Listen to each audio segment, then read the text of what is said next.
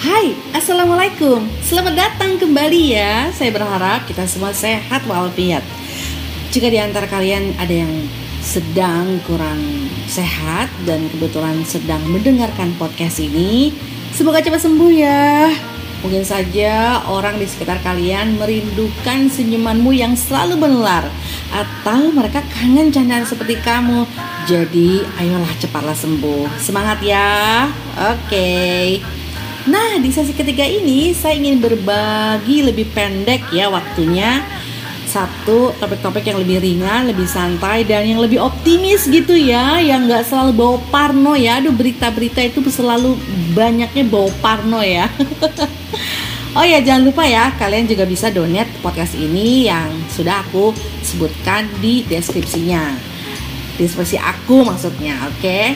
Nah langsung aja kita dengarkan ya. Halo, ya Season ketiga episode 1 Hmm, topik yang nggak boleh berat-berat ya. Ya, oke okay, teman-teman. Jadi, hmm, judul ini adalah uh, Jangan memaksa orang untuk berubah Jika orang itu nggak mau berubah. Gimana? Jangan memaksa orang untuk berubah Jika orang itu tidak mau berubah Ya teman-teman, kita sebagai manusia itu ya pasti punya hati nurani ya nggak sih ya agar orang kita orang terdekat kita itu bisa lebih baik. Bener gak? Seneng ya kalau misalnya kita tuh punya uh, atensi untuk eh dia lo harus lebih baik deh, ibu ini harus lebih baik deh, bapak ini harus lebih baik deh ya. Itu itu aja karena kita mempunyai spek itu dalam personal kita gitu ya misalnya pengen lebih rapi, lebih bersih, lebih tekun, dia yang lebih cantik gitu ya, lebih sehat, lebih disiplin gitu ya, lebih lebih lebih lebih terus ya, ya nggak ya? Karena mungkin saja kita sudah merasakan efek hebatnya jika orang lain sudah melakukan itu gitu ya. Dan selanjutnya kita ingin semua orang merasakan hal yang hebat yang sama yang pernah kita rasakan. Jadi sederhananya yang pertama kita lakukan sih adalah ya pertama kali tuh kalau kita udah ngerasain wah hebat nih kayaknya kalau untuk lebih rapi tuh kita harus begini nih untuk lebih sehat lebih begini nih ya. Nah biasanya apa step pertama? Ya sederhananya sih kita akan lakukan adalah mengatakan dengan lemah lembut gitu ya. Misalnya kayak eh tau gak sih kita tuh nggak boleh begadang loh gitu ya. Ini bisa mengakibatkan tubuh kita kurang fit loh gitu ya. Contohnya tuh ya, Terus yang kedua, sudah lemah lembut beberapa waktu tetap nggak mempan. Yang kedua, menggunakan sindiran gitu kan. Ups, ternyata belum mempan juga. Yang ketiga, bisa jadi pakai marah-marah ya. Ih, tapi belum mempan juga ya. Yang keempat, pakai bibir orang lain nih. Wah, temannya lah, orang tuanya, ustadznya lah, ceramah lah. Ini masih aja belum berubah gitu ya. Terus Anda lanjutkan lagi yang kelima, yang keenam, tak sampai ke nomor berapa ya?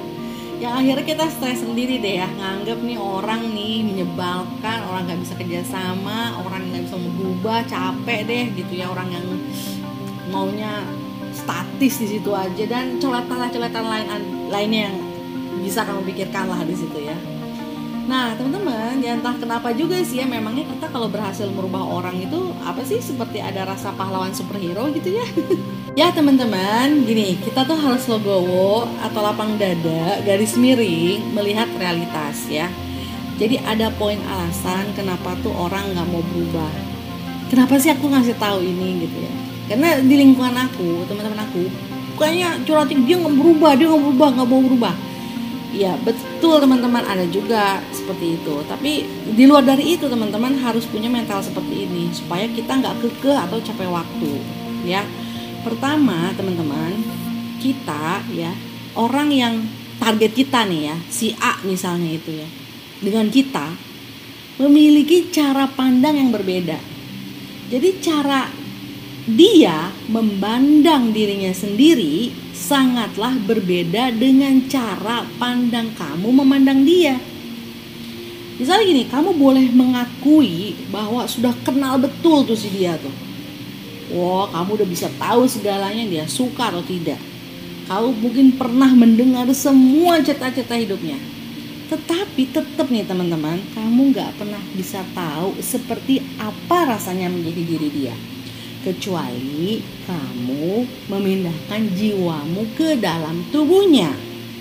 Jadi kamu tuh cuma bisa nebak aja selama ini dan mengira doang.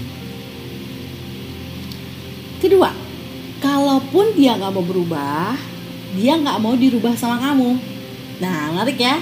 Coba bayangkan, kalau tiba-tiba ada seseorang hadir dalam hidupmu, tiba-tiba nyuruh ini itu ini itu maksa berubah, ini itu ini itu dan mengkritik kamu, eh jangan hidup ini, biar ini biar ini biar itu, waduh pasti kamu kesal lah ya.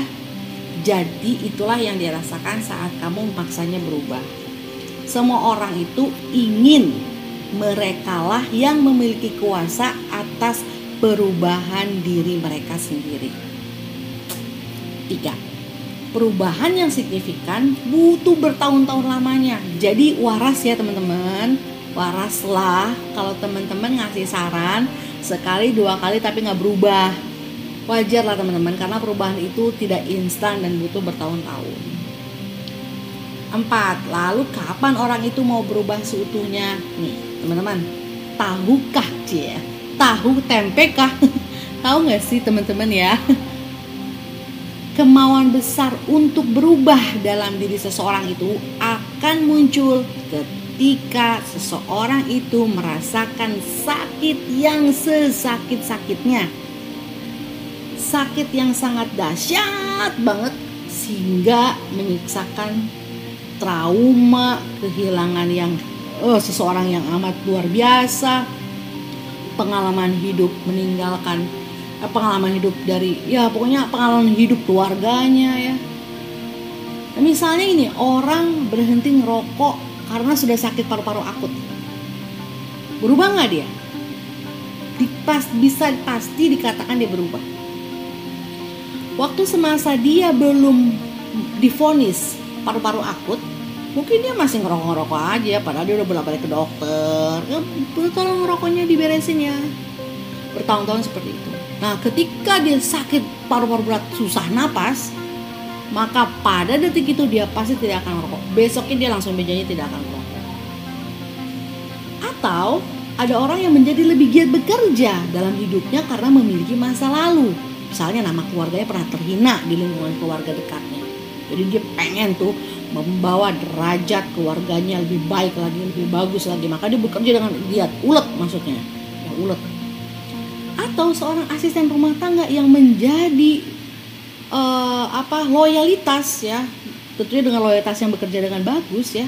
Karena perlu membiayai anak-anaknya sekolah tinggi. Dia ingin merubah keluarganya yang tidak sekolah menjadi sekolah. Dulu dia nggak berubah. Anak-anak saya harus berubah nih. Maka saya membutuhkan biaya untuk kuliah anak saya lebih tinggi. Dan itu happen semuanya di mata saya teman-teman.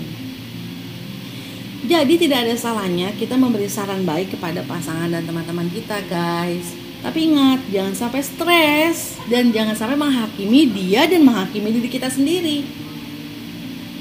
Lebih baik waktu dan energi kita dialihkan pada perbaikan untuk diri kita sendiri. Gitu guys. Terima kasih ya sudah mendengarkan. Assalamualaikum warahmatullahi wabarakatuh.